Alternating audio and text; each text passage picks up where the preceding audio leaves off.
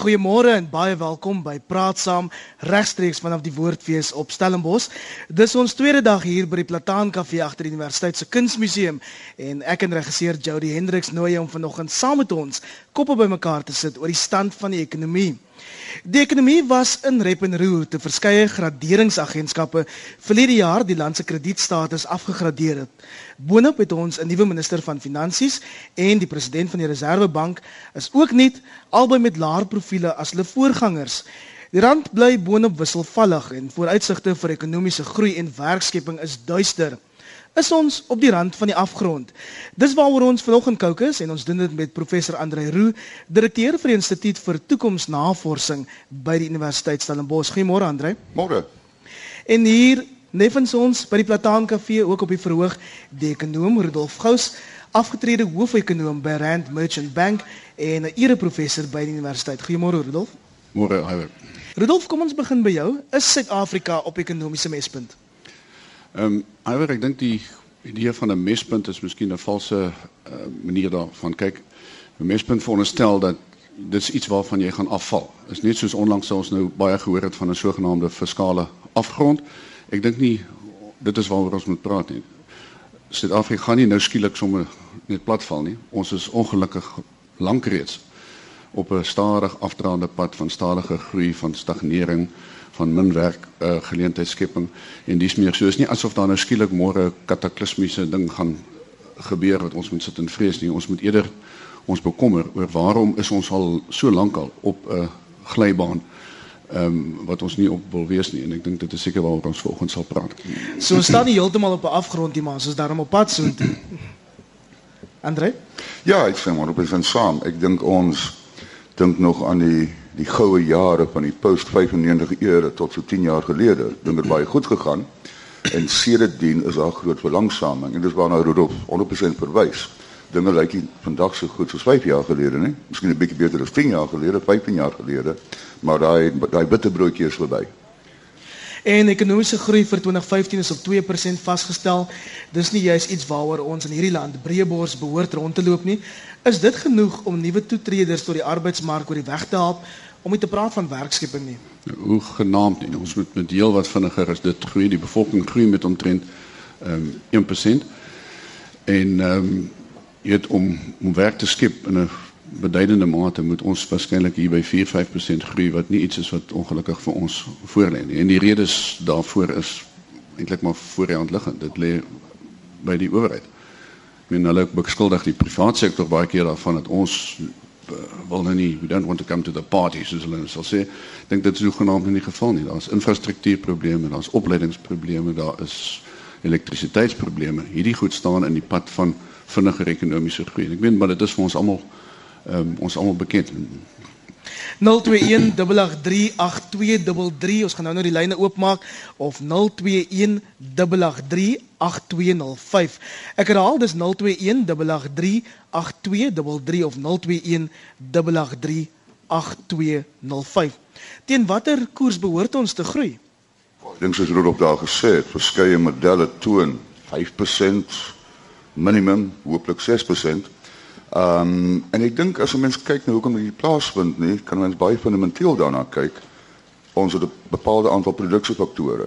Die word nie of korrek aangewend nie, genoeg aangewend nie, doeltreffend aangewend nie. Groei, as mens baie eenvoudig stel, gaan oor die die die die doeltreffende aanwending van produksiefaktore wat elke jaar moet verbeter. Of dit nou kapitaal is, infrastruktuur soos Rudolf genoem het, arbeid, entrepreneurskap en selfs ons natuurlike hulpbronne. Ehm um, ons moet op 'n manier en die vraag is of die regering of die private sektor beter toegerus is om dit te doen as as as as die ander. En as ons nou 'n bietjie verder gaan praat Rudolf, die rand het die laaste ruk nuwe laagtepunte teenoor die dollar bereik. Om die waarheid te sê, dis die laagste in 13 jaar. Hoe stuur ons hierdie ekonomiese skip van ons veilig deur die storms? Wel die daling van die rand is 'n 'n simptoom. Dit is 'n in 'n sekere sin 'n probleem, is 'n ander opsigte 'n bietjie van 'n oplossing vir mense wat uitvoer of mense wat kompeteer met invoer, maar dit is 'n simptoom van soveel ander dinge wat verkeerd is. Suid-Afrika spandeer meer as wat ons produseer en dit is dit sien ons dan in 'n lopende rekening tekort en ons is werklik van 'n baie groot omvang. En dit wil sê ons is afhanklik van die res van die wêreld om daardie tekort te finansier. As daar 'n gebrek aan vertroue in die buiteland is, ehm um, dan kyk jy ouens bietjie skeef en dan sê jy my hang aan, hoekom gaan ons hierdie hierdie tekort, hierdie leef bo jou vermoë wil finansier? En dit is ook hoekom ons nou byvoorbeeld sien dat die sogenaamde graderings eiens ag um, agentskappe ehm um, so Engels sal sê they've put us on notice. As ons 'n paar goed nie doen nie waarvan ander en ek al 'n paar genoem het, dan gaan ons afgegradeer word. En as dit gebeur, dan skielik is daar 'n klomp buitelandse fondse wat nie toegelaat word om in Suid-Afrika te belê om nie ons om nie ons skuldinstrumente te koop nie. En weet dan sit ons met 'n probleem dat hier rand dan sommer nog heelwat vinniger kan daal. So sien die rand as 'n simptoom van 'n klomp dinge wat nie reg is nie. Kom ons gaan lyne toe. Goeiemôre. Môre Aider. Met wie praat ons vanoggend? Ja, Dani van Pretoria. Môre Dani.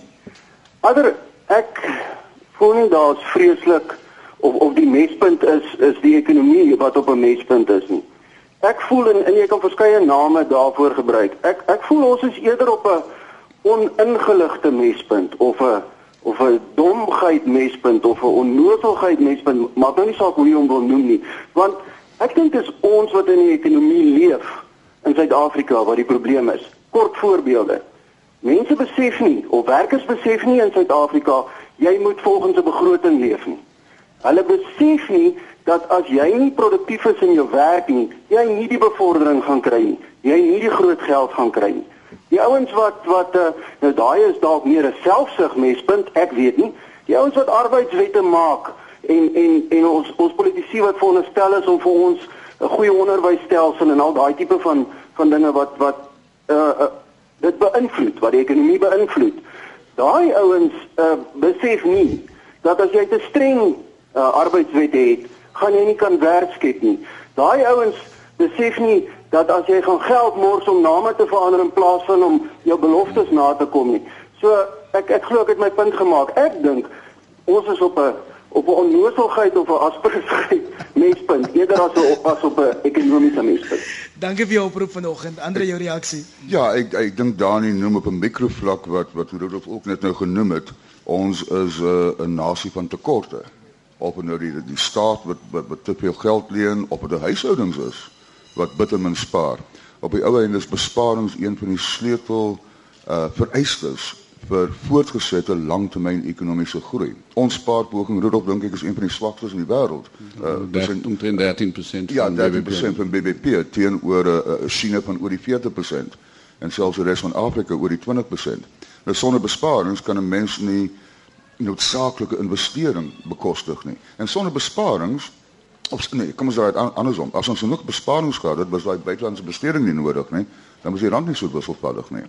So ja, ek dink ek dink Dani se punt, ek sê op 'n mikrovlak as mens opblaas, is juis een van ons grootste tekortkome. Ek dink ons ons ons het 'n kortsigtige 'n korttermyn oorsig van die ekonomie en nie 'n langtermyn uh, siening. Ons is nie bereid om korttermyn opofferings te maak nie. Ehm ja, ek dink Andreus reg, ons het natuurlik 'n baie groot poging aangewend na 94 en met groot sukses om die staat se sogenaamde ontsparing, ons het die leen om staatsamptenare se salarisse te betaal om te keer en te bring tot op 'n punt waar dit in werklikheid 'n surplus was.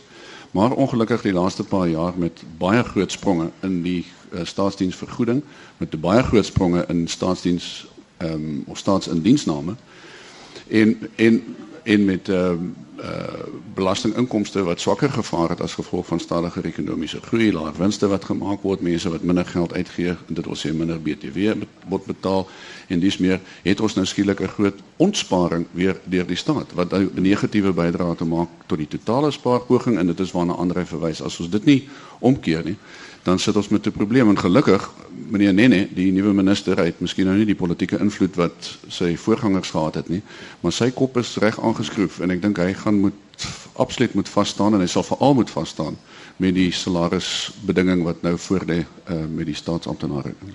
Paul van Somerset Wes, goeiemôre. Goeiemôre. Ek dink daar is verskillende redes hoekom ons ekonomie so swak was. Jy weet, die eerste een is amper se amper dakroniese arbeidswetgewing. Jy weet Singapore is bloot 'n stadstaat en onderpunt van Maleisië. Uh volgens die World Almanac uh, 2004 het dan maar bevolking gehad van 4.2 miljoen mense. Afrika het baie staan amper biljoen mense gehad. Hier is het berig dat baie staan dat dit 'n meer beleggings gekry het as die hele Afrika saam as gevolg van hulle uh losse arbeidswetgewing. Dan 'n volgende een is 'n swak bestuur van ons ekonomie. Jy weet Suid-Afrika die hele uh, hulpbronoplewing gemis terwyl ander hulpbronlande soos Australië, Kanada, Brasilië groot voordeel uitgetrek het. Dan 'n volgende punt is hierdie gebrekkige infrastruktuur wat ons het om die grondstowwe by die hamers te kry. Dan nou hierdie debakel vir Eskom wat nie uh, krag kan lewer aan die nywerhede nie. Dan 'n skoolkurrikulum wat nie opgeleide werkers aan die nywerhede verskaf nie. Is selfs in 'n staat klaar dat baie eerstejaars studente se uh, uh, leesvaardighede geweldig swak is. En ons het 'n stelsel in oop bediening gehad waar ons wel baanbrekers gehad het, professor Chris Barnard. Wetenskaplik is dit vir ons kernwapenskoping en dan natuurlik 'n groot doodsteek vir die ekonomie en ook vir dienslewering. Jy weet, uh Dr. Son het gisteroggend gesê dat baie arm Afrikaners, Suid-Afrikaners uh, na Nkandla aspireer en dat dit nie vir hulle saak maak dat uh, Nkandla met korrupsiegeld opgerig is. In 'n November uitgawe van week so 2 jaar terug is berig dat tenderbedrog alleenlik op daardie stadium 675 miljard rand beloop het. Nou die Bybel steek hom baie sterk uit teen korrupsie. Uh, byvoorbeeld Spreuke 7 vers 23 in the message lê as volg: The wicked take bribes under the table. They sow nothing but contempt for justice. Nou die Suid-Afrikaanse staatspresident. Ek gaan jou moet vra om op te som asseblief. Ja goed. Maar ander woorde, die feit is dat as ons sê ek wil sê vir al die laaste die, die, die drakoniese wetgewing en dan hierdie korrupsie wat ons land doodmaak. Jy weet daai geweldige bedrag geld, so 675 miljard rand. Wat kon sy aan gedoen as hierdie regering nie wil korrupsie in die kiemspoor as hulle ophou daaraan mee doen. Dankie vir jou op. Dan sien ek baie goeie toekoms vir ons land. Verstaan jy punt? Baie dankie vir jou tyd en dankie dat jy ingebel het. Andre jou reaksie daarop? Ja, wel, ek dink weer eens dat dit kom terug na die oorspronklike stelling dat ehm um, ons het nie altyd die ruimte, die vermoë, die wil om ons produksiefaktore op 'n mees doeltreffende manier aan te wend. Of dit nou uh, arbeid is. Ek dink ons ken almal die probleme rondom arbeid. Ons arbeid is nie baie produktief nie en die toename produktiwiteit is, is is baie laag. Uh en en daar's vroeër uh, verwys na die kwessie van mededingendheid. Ek dink ons moet slag leer dat in 'n globale wêreld is mededingendheid noodsaaklik. As jy nie mededing kan wees nie, kan ons nommer 1 nie ons goeder uitvoer nie en nommer 2 invoer raak al hoe meer aanloklik. En en arbeid op verskeie maniere is besig om self by die mark uit te prys. So mense kan nie help om saam te stem met van hierdie dinge wat wat Paul genoem het. Ehm um, die infrastruktuur is hoe dit genoem. Uh dis die op ons kapitaalvoorraad. Uh ek dink ons het genoeg entrepreneurs nie.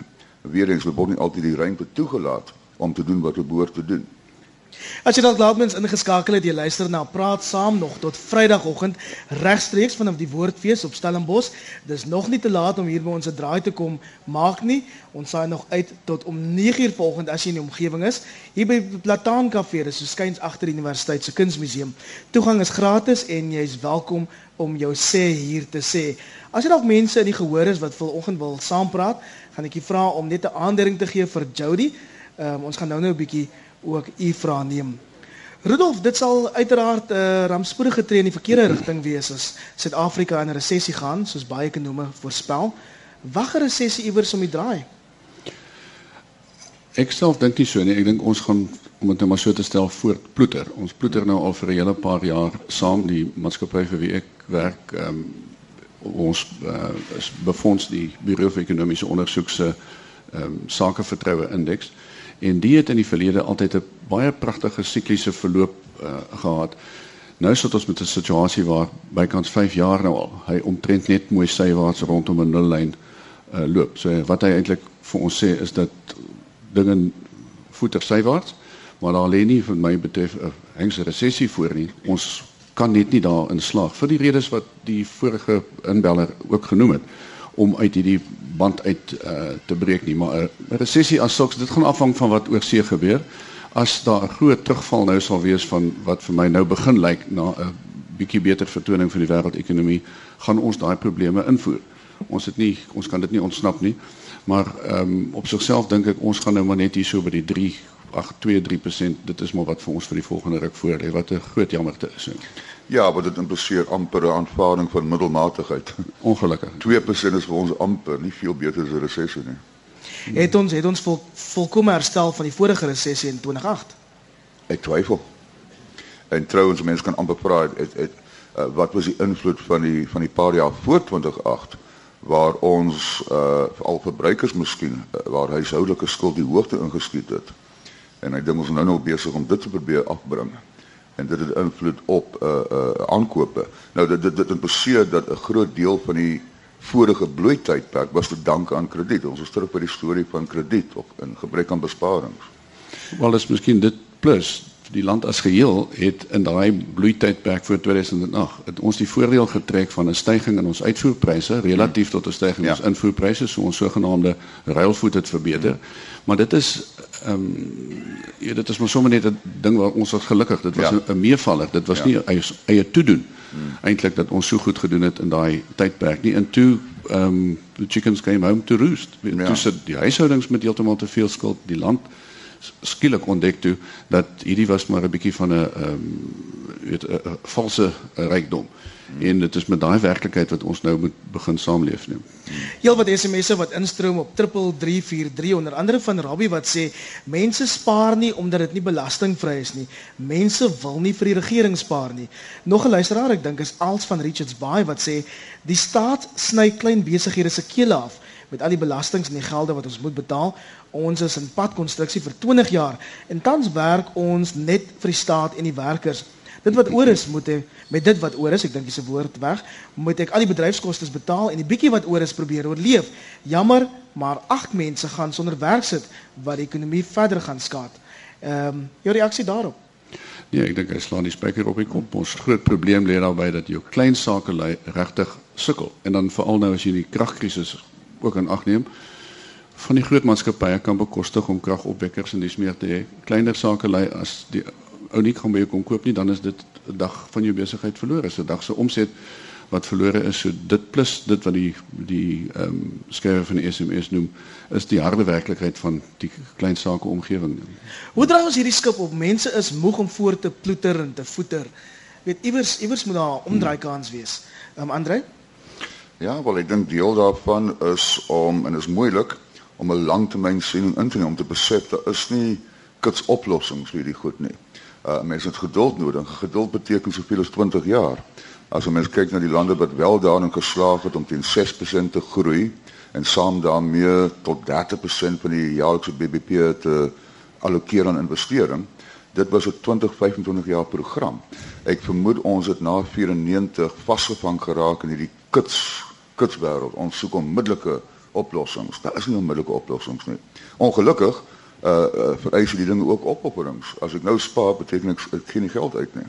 Maar dis dis 'n ingesteldheid vir die hele land sal met die hele nasie sal met baas raak. Kom ons praat met 'n paar mense en nie gehoor. Jody, met wie praat ons? Iwer ons het vir Pieter hierso. Hallo Pieter. Uh, ons het nou gehoor van al die probleme wat ons het. Ek wil net ons moet 'n bietjie vorentoe kyk. Hier is wel 'n plan op die tafel. Sien dit die NOP. Kan die sprekers dalk vir ons 'n aanleiding gee want ons sit met skrywers wat verwys na in die ou nasionale party daar na die verligters en die verkramptes. En ons sit vandag blykbaar weer met verligters en verkramptes. Sien dit die mense wat die verligters wat die NOP nastreef en die verkramptes wat dit nie wil doen nie. Wat is die kanse dat hierdie plan ingestel gaan word en vir ons kan werk? Die nasionale ontwikkelingsplan net terwille van die luisteraars daar by die huis wat nou nie seker is waaroor ons nou praat nie. Ja, dit is ehm um, wat nou al 'n hele paar jaar op die tafel is, maar tot dusver daar nog bitter weinig van gekom. Meneer Evie de Klerk het in die tent net hier langsaan gistermiddag gesê dat die ANC en hy sê dit maar reg is 'n sogenaamde breë kerk. Nou daar is baie baie verskillende faksies daar binne. Jy het die aan die linkerkant wat nog vaskleef aan die sogenaamde nasionale demokratiese revolusie wat 'n uit en uit sosialistiese uh, manier van kyk is en dan sit van hulle in die kabinet. En aan die ander kant het jy die ongelukkige minderheid wat sterk voel oor die uh, eh, NOP en meneer Zuma met respek weet praat uit twee monde. Vir die een gehoor sal hy die links praat en vir die ander gehoor sal hy noem dit nou maar regs praat of dan in die rigting praat wat u aandui van die nasionale ontwikkelingsplan. En dit maak mense 'n bietjie mm, pessimisties om te sien weet of of dan regtig iets van gaan kom nie. Ja, ek bedoel mense is bly dat ons vir die eerste keer 'n langtermynplan het. Hmm. Maar soos Rudolf sê, ek bedoel nou, wat is dit nou 3, 4 jaar. Uh mense friet. Mense sien veel daarvan, hè. Soos altyd sê, the devil's in the detail. Uh die die die mikpunte is edel. Die mikpunte ken ons almal. maar die werklike strukturele verandering van die ekonomie was min daarvan te sien op hierdie stadium. Die Oostenrykse ekonom Josef Schumpeter het hier in die 20s al gesê, die vraag gevra, wat is die wese van die ekonomie? Toe sê dis drie goed: politiek, politiek en politiek. Ja. dit is maar Waar die die, die werklikheid vir ons ook vandag. 'n Mens skielik 'n mens wonder by die feit dat meneer Ramaphosa die adjunk voorsitter was van die van die kommissie en nou adjunk president is. Ek wonder wat rol dit gaan speel. Dis praat saam op 100 tot 104 FM wêreldwyd by rsg.co.za. Ons is regstreeks vanaf die Woordfees op Stellenbosch en ons neem nog 'n paar vrae uit die gehoor, Jody. Ja, ek het vir Simon hierso, hy het ook 'n stelling. 'n Ou Stellenbosser, môre Simon. Ja, uh, goeiemôre. Ek is nog nie ekonom nie, ek is maar hier plat op die aarde. en uh, dit lyk my ons praat daar bo in die lug en ons verstaan nie altyd die ekonomiese taal en dis meer nie. My kommer is die vraag gaan oor spaar. Hoop dis aarde in verwag ons van mense wat eintlik krepeer om te spaar. Mense wat in werklike armoede leef. En nog is dit verwys alweer 'n keer net na Kayamandi. En in Stellenbosch bestaan nie net 'n arm Kayamandi nie. Daar's ook 'n Idasvallei en daar's ook 'n Kloeterswil. Hoop dis aarde sukkel mense sukkel met om 'n breinbroodjie te koop. 'n Halwe broodjie. Hoe spaar ons? Die tweede punt is ek sou net wou weet wat is die ehm van mense wat die broodlyn leef? Wat is die persentasie van mense wat onder die broodlyn leef? Ons sit hier op 'n in in in in op 'n dorp wat vir my een van die mees abnormale dorpe in die wêreld is. Jy het 'n ryk noorde wêreldwyd en 'n arm suide. In Stellenbosch het jy 'n arm noorde en jy het 'n Ryk suide. En ek het verneem daar's ten minste 25 multimiljonêers op Stellenbosch. Het die tyd toe gekom in steede dat ons en ja, daar is kritiek teen die government en die government is te bly mee voor. Het die tyd toe gekom en meeste ek meen nou ek dink ek dink byna 100% van hierdie dorp maar die moslems uitgesit dis Christene. En ons aanbid elke Sondag. Het die tyd gekom dat ons 'n handelingskerk word waar ons met mekaar begin deel nie. That we share the bread, the cake of this town economically. Rudolf, ek gaan vir jou vra om daarop te reageer. Paar interessante stellings. Net op die eerste punt, eh, die uh, ekskuus meneer, wat is u naam? Simon. Hallo Simon. Ehm um, ek dink jy is natuurlik 100% reg. Armes in hierdie land kan nie spaar nie. Daar's 'n hele groot deel van die middelklas wat ook nie kan spaar nie. Die probleem was dat 'n groot deel van die middelklas en selfs die van die armes het in die noem dit nou maar goeie tye heeltemal te veel geleen en wat is leen? Leen is negatiewe besparing. So nou sit ons met die gevolge daarvan. Ehm um, maar en soos ek sê, dit daar kan nie verwag word van die armes om te spaar nie. Wat die hele kwessie ehm um, wat die breë spaar omgewing betref is natuurlik so dat ons vir 'n baie lang tyd 'n rentekoers ehm um, regime gehad het wat heeltemal te laag was. Dit wil sê daar was elke aanmoediging om meer te leen en geen aanmoediging om te spaar nie. En dit het bygedra wat my betref tot die probleme wat ons vandag nog uh mee sit en dit is ook hoekom ons nie van die reservebank moet verwag om hierdie probleme op te los nie.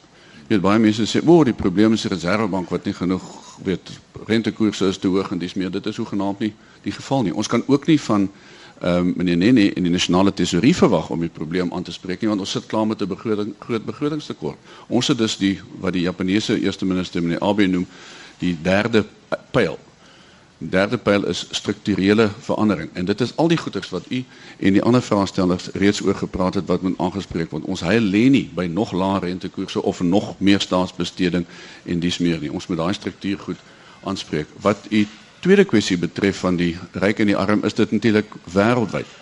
Seker die grootste uh kwessie wat deesdae bespreek word. U's baie van u sal in die boek gesien het van ehm um, Thomas uh, Piketty van Capital in the 21st Century. Dit gaan daaroor wêreldwyd nou en daar is geen maklike oplossing daarvoor nie. Gaan jy die armes ryker maak deur die rykes armer te maak?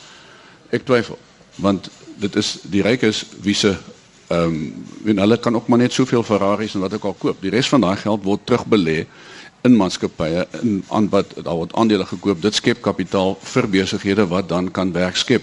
So hierdie idee dat jy nou by die rykes moet vat en vir die armes gee op 'n Robin Hood manier, weet ek nie of dit 'n standhoudende oplossing vir ons probleem is. Die probleem of die oplossing lê veel eerder by en dit gaan baie lank vat by al die goed wat ons vroeër oor gepraat het, by die onderwys, by die opleiding. Mense kan nie ehm um, almekaar meer betaal word as wat hulle kan bydra tot die ekonomie nie en wat hulle kan bydra is 'n funksie van hulle opleiding van hulle weet al daai daai dinge. So ek weet hier is 'n bitter groot onderwerp en boeke en boeke word oor hierdie inequality issue nou geskrywe uh, wêreldwyd en ek ek is saam met u bekommerd. Ander Andre weet ons hoeveel mense in hierdie land leef onder die broodlyn om die ander vraag te beantwoord. Ja, dit hang baie keer af van definisies. As 'n mens internasionale definisie beskou, dan is dit waarskynlik hier onder rondom die 40% waarvan die meeste kinders is. Maar ek wil net aansluit by Rudolf ook. Ehm um, daar vind reeds 'n groot mate van herverdeling plaas in Suid-Afrika. Jy as 'n mens vat die die die, die, die regering, die staat maak aanspraak op om by 30% van die ekonomie en spandeer dit onder andere op sosiale uh, bewilliging 16.8 miljoen ontvangers uh met 'n baie kleiner aantal belastingbetalers dan is dit volgens ek dink die Wêreldbank het ons een van die mees uh redistributive maatskappye gemeenskappe in die wêreld. So is 'n perk op jy weet daai goue gans gaan ophou om eiers te lê. Maar die die die die ongelykheid kan nie kan nie betwyfel word nie. Uh volgens sommige maatstawwe ons die mees ongelyke land in die wêreld. Interessant en dit en en die goed is ook altyd onderhewig aan aannames en vertolking. Maar as 'n mens 150 000 rand per jaar verdien, tel jy onder die top 10% 10% inkomste verdieners op hierdie planeet. So.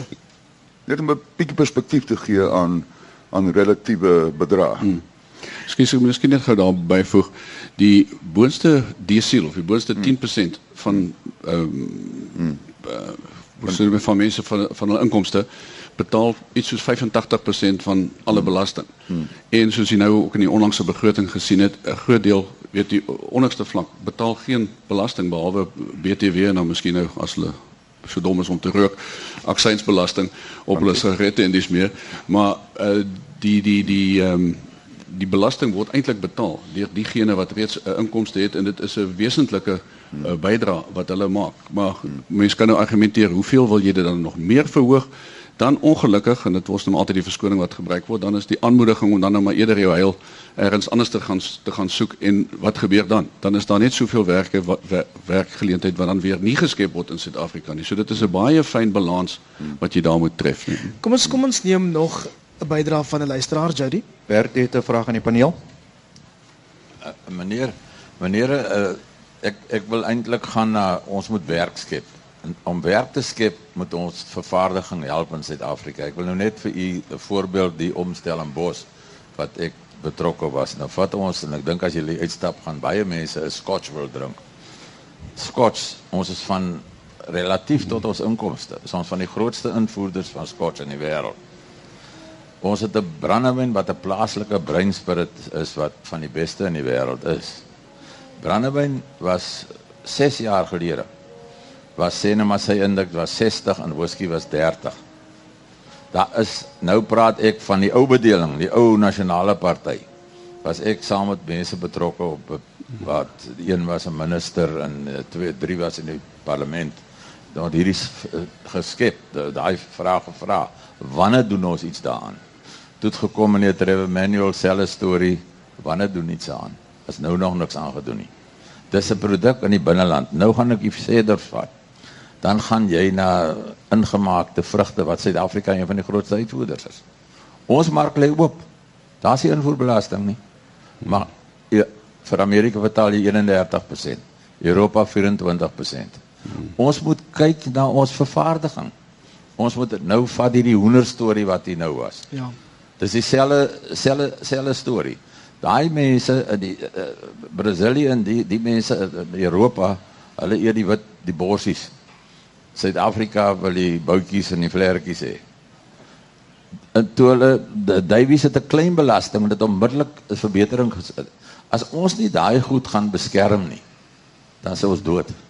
Dankie. Dankie Bertie. Kortliks jou reaksie daarop voor ons aan beweeg. Ja, ek moet sê dis nou eintlik een van daai groot kwessies. Ehm um, ek self staan aan die ander kant van daai debat. Ek dink nie jy kan jouself ryk beskerm as 'n land nie. Daar is natuurlik individuele gevalle en ek is seker mense kan 'n klompie van hulle noem. Maar ek is meer vir 'n oop ekonomie. Ons moet leer om te kompeteer. Ehm um, Andre het vroeër gesê, jy weet, ons gaan nie produktief raak as ons nie kan ehm um, kan kompeteer dan jy gaan nie inkomste skep nie. En ek het ook 'n probleem met die konsep van werk skep. Jy kan nie werk skep nie. Wat jy kan doen is om die omgewing te skep waarin firmas 'n lewe kan maak, kan wins maak, kan daai wins herbelê en daarmee werk skep. En die staat ek dink het hierdie konsep in hulle kop van weet werkskepping. Die staat kan ook nie eintlik werk skep nie. Om vir die staat om werk te skep, moet hy vir ons wat hierso sit, moet hy belas of hy moet by ons pensioenfonde moet hy leen. Dan sê dit is fondse wat nie vir iets anders beskikbaar is nie. So die staat is netto kan hy nie as werkskepper wees in die private sektor kan net 'n werkskepper wees as die omge of die omgewing daar is waarin jy 'n wins kan maak. Uh, maar dan net om terug te kom by die punt, ek het baie simpatie vir mikrovlak van hierdie dinge, maar in die algemeen dink ek is die lande soos Singapore wat ons vroeër van gehoor het, Hong Kong wat ons van gehoor het, daardie lande wat hulle stel self oopstel vir buitelandse kompetisie, doen in die langtermyn beter as die wat mure om hulle self oprig. Ons het dit in die ou Suid-Afrika probeer met invoerpermitte en al daai goed. Daai goed het geld geword. Invoerpermitte is verhandel. En ek sal nie my hoop plaas op uh met die departement van handel en nywerheid van meneer Rob Davies om ons te red nie. Daai mense weet ook nie beter oor watter bedrywe is die bedrywe wat jy moet subsidieer, watter is die bedrywe wat jy moet uh beskerm nie. Laat dit oor aan die private sektor. Laat ons kompeteer en dit is wat ons gaan laat beter vertoon. Nie. 'n E-pos van Fanny Brink via ons webwerf wat sê een van die grootste redes vir die swak ekonomiese groei is die feit dat die krag van die verbruiker as 'n skepper van ekonomiese groei deur die Reserwebank en die nasionale tesourie ontken of ignoreer word. Die Buro vir Ekonomiese Ondersoek het bevind dat die verbruiker tot soveel as 60% tot ekonomiese groei bydra. Is dit so, Andrej? Uh ek ek ek is seker van die Reserwebank en tesourie se se navorsing, maar Dis inderdaad waar dat verbruiksbesteding 60% uitmaak van ons totale besteding en dan vaste investering in die staat om by 20% elk. So ja, die verbruikers inderdaad soos in enige land die grootste enkele kollektiewe akteur in die ekonomie.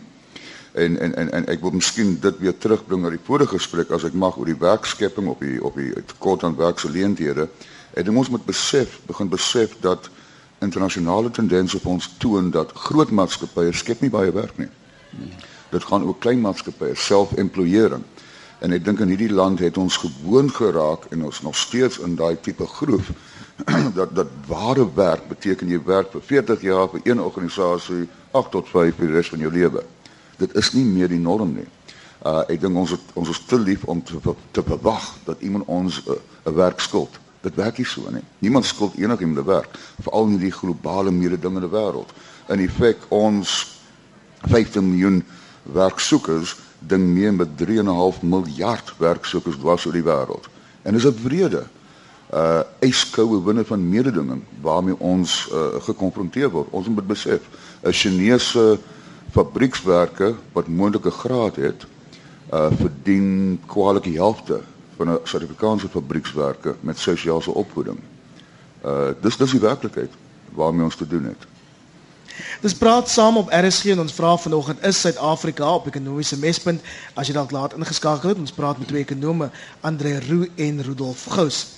Meneer kom ons kyk 'n bietjie die gesprek na die manne aan wie ons ons ekonomie oorlaat. Dit is die president wat eintlik maar 'n toeskouer is as dit by ekonomiese sake kom en dan het ons Nslansla Nene ons nuwe minister van finansies, Lesitya Ganago gaan Jago, die nuwe president van die Reserwebank. Redelike lae profile is ons ekonomie in veilige hande. Wat die laaste twee here, ek sal eerder niks sê oor die eerste een nie, wat die laaste twee here betref beslis. Uh Leseja is 'n top top uh man en ekonom. Hy was by die nasionale tesourie, hy het al daai ondervinding wat jy moet hê om fiskale beleid te verstaan. Hy is nou in 'n baie goeie posisie by ehm um, wel, ek dink hy is die regte man vir die tyd by die Reserwebank. Ek het baie min bekommernis oor waartoe ons gaan met monetêre beleid onder sy leiding en ek het nog 'n paar keer saam met hom opgetree. Ek meen hy draai nie doekies om oor wat verkeerd is in die land nie. Hy glo aan reservebank onafhanklikheid wat ek dink presies die regte ding is. Meneer Nene homself is 'n tegnokraat. Hy kom uit 'n lang pad in nasionale tesourie. Hy het miskien nou nie die politieke wat is die Engelse afgest ja. ja. wow, standing Ja, wat wat hy en hy het ook 'n slag van 'n stoel mos afgeval so jare gelede en dis wat die meeste mense van hom onthou. Maar hy is die regte man vir die regte tyd. Ek meen ek het 'n aanhaling vanoggend gesien waar hy ergens gesê het dat in Suid-Afrika as 'n ding beweeg dan belas ons hom. En so, jy weet hy is baie krities oor die die hele uh belasting opset in die land. Dit is iets wat hy gaandeweg gaan probeer verander. So ek dink dis die twee regte manne. Uh wat die eerste van daai drie ouens betref, weet ek nie en of hulle hulle goeie werk sal kan doen onder hom is nou weer 'n ander kwessie. nie.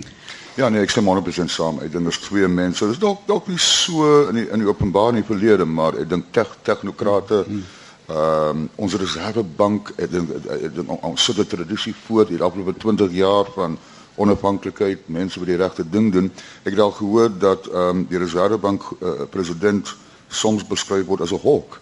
Met ander woorde, as daar enige twyfel is, eerder verhoog rentekoerse as as sag wees en verlaag. Nou dis dalk dis dalk breed vir sommige van ons, maar dit is 'n goeie ding. Ons reservebank word wêreldwyd beskou as van hoogstaande gehalte en ek het geen twyfel dat daai aansien enigstens uh, uh, afgebaat gaan word. Dieselfde geld vir by by finansies. Ons is by die Plataan Kafee op Stellenbosch en Jody, nog luisteraars wat wil saampraat. Ek het vir Michael saam met. Ja, dankie. Ehm um, meneer, ons het nou vanoggend verneem uh van mense wat onderkant die sogenaamde broodlyn lewe. Ons het verneem van Kayamandi en uh, na my wete is daar enigiets tussen 30 en 50000 mense wat in Kayamandi woon in informele nedersettings en ek dink Stellenbosch is maar is maar uh bloot uh, 'n toonbeeld wat in elke ander stad in ons land aan die gang is. Jou townships, mense wat binnekant die stadskern woon en hulle moet tog eet, hulle moet tog leef. So al wyse vir hulle is hulle moet in 'n taxi klim of in 'n bus klim en hulle moet inkom na die stad toe en dit kos hulle geld. So die mense wat die minste geld het, moet die meeste geld uitgee om, om net iets so eenvoudige uh te kom koop binne in 'n stad. Het dit nie tyd geword dat ons die departement van handel en nywerheid business partners hierdie mense begin om die ekonomie binne in ons te begin ontwikkel nie. Uh dit sal tog sekerlik lei tot werkskepping en dit sal hierdie uh mense wat wat so sukkel minstens dan geleentheid gee om self onderhoudend te wees. Wat sê julle daarvan? Interessant in Gauteng is sopas 'n inisiatief begin om township ekonomie 'n uh, stoot te gee. Ehm um, Andre, ek gaan vir jou vra om daarop te reageer. Ja, dit sluit tot 'n mate aan by vorige gesprek vanoggend. Ehm um, ja, ek dink die die die die, die, die, die uh, is dit Michael, skus. Um, Dis reg. Uh is dit reg, maar ek wil die ek wil die vraag aan in die vorm van 'n ander vraag formuleer. Is dit nie tyd om mense self begin met te doen?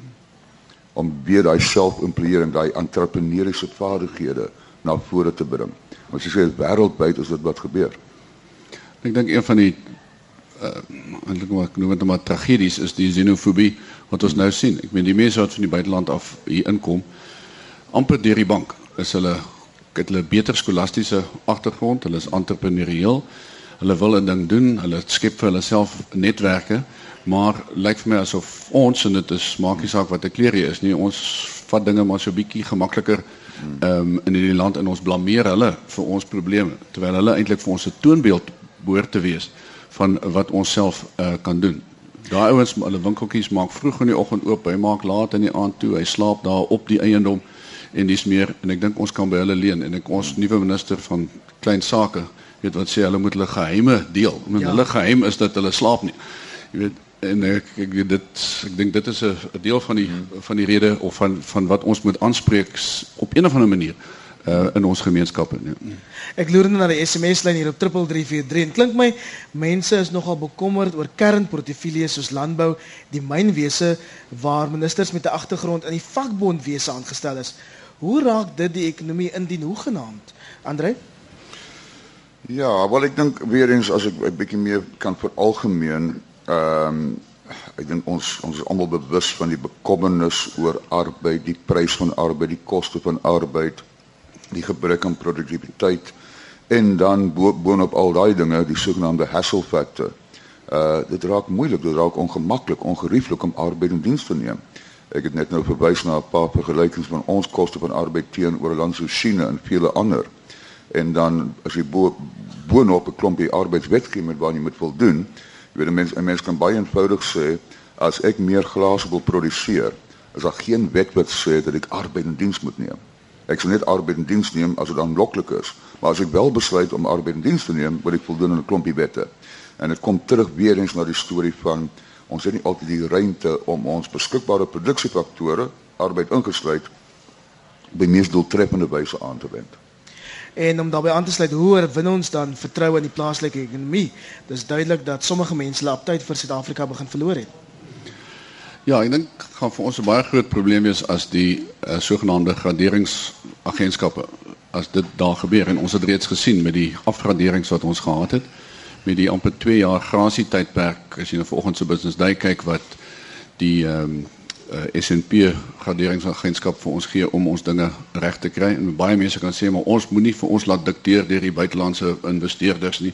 En dis meer dit is 'n onsinnige argument as jy bo jou vermoë lewe. Dit is soos 'n ou wat ehm um, die bank geld skuld en dan weet vloek op die op die bankier. Ek meen hmm. dit werk nie so nie. As jy die ou is wat die geld nodig het, dan beter jy nice wees met jou bankier en dieselfde geld vir Suid-Afrika met hierdie ehm um, graderingsagentskappe nie. Hmm. Die tyd is besig om ons in te haal, maar ek wil eers nog praat oor Suid-Afrika se lidmaatskap van die BRICS groepering. Sommige nogal skepties oor ons ekonomiese integrasie met Brasilië, Rusland, Indië, China. Hmm. Rudolf, Andre? Ja, ek ek moet sê vir my was dit altyd ehm, 'n bietjie van 'n kunsmatige groepering. Daar was 'n tyd 6, 7 jaar gelede toe dit met al daai lande goed gegaan het. Nou het elkeen van daai lande probleme. China die minste, sy groei is besig om ehm um, af te neem. Indië minder so, dit gaan eintlik baie wat beter onder meneer Modi nou daar, maar Rusland het 'n wesentlike probleem. Hy sy ekonomie is in diep resessie. Ehm uh, Brasilië, skielik ontdek hulle nou groot korrupsie daar in hulle staatsondernemings. Hulle ekonomie het verlangsaam tot omtrent uh niks en ons het eintlik bitter weinig in gemeen met daai lande. Dis maar net omdat hulle toevallig daai tyd baie goed gedoen het dat die, die een ekonom Jim O'Neill hulle in 'n groepering geplaas het. So dit is vir my 'n kunsmatige besigheid van die begin af gewees. Ja, dis 'n klap. Dis 'n klap van van vyf lede waarvan Suid-Afrika by verre die junior lid is. Ek dink as jy mis het nie die die hele BRICS groepering is gesamentlik verantwoordelik vir 26.7% van die wêreldekonomie, sonder Suid-Afrika 26%. Ons is vier keer kleiner as die, as as die tweede kleinste een. En ons het gaan klop om ons om lid te word. Jy weet ons is nie aanvanklik ja, kan ja, genooi nie. Ja. Ehm um, en ek dink is maar net deel van 'n klompie. Daar's 'n klompie van hierdie hierdie alfabet speletjies, jy jy die die Serbets en die Mints en die Next 11 en die Eagles. Ek dink is alles net 'n uh, nie net nie, maar dit is alles tekenen van van 'n positiewe ding en dit is die opkoms van 'n aantal ontleikende ontwikkelende lande. En dit is seker goed dat ons oor dieselfde kam geskeer word, maar ek dink mense moet te veel daarin sien nie. Want daar's 'n klomp goed in elkeen van daai lande wat ons moet probeer ja. vermy. Ja ja. wat my betref eerder is wat ons moet nastreef. So goed, ons moet saamvat. Wie moet wat doen om die ekonomie 'n reuse opstoot te gee?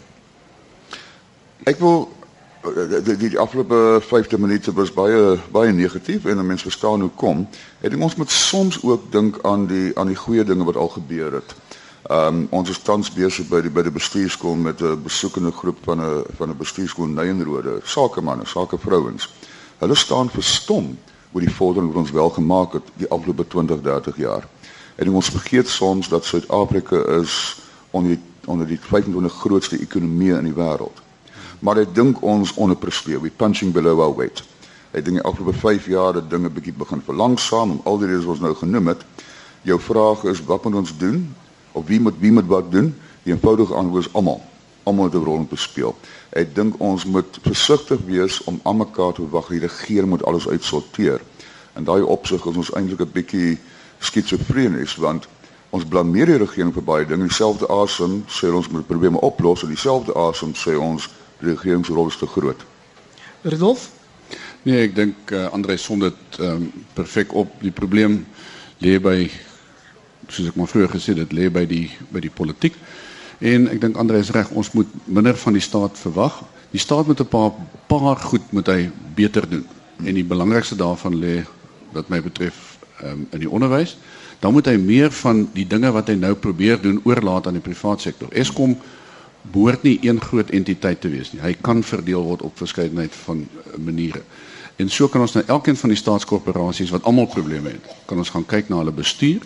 Ons moet ophou mense in die posisie te plaas om daar, jy weet, in bestuursposisie daar te plaas wat pelle is van die politici.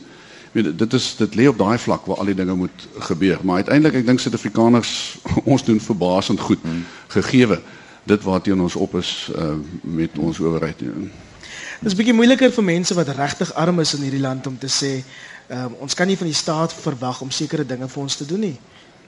Ja, is natuurlik sommige plig uh, verantwoordelike by die wat wat wat, wat nie onderhandelbaar is nie. Maar soos ek al gesê het, regerings word nie gewoonlik geleer hoe om paaie te bou nie, hoe om elektrisiteit te beskaf nie. Hulle word geleer om sommige dinge te doen, maar die dinge wat die mark waarskynlik beter sou kon doen as die regering, moet oorgelaat word aan die mark. En ek skuis net 'n goue laaste ding.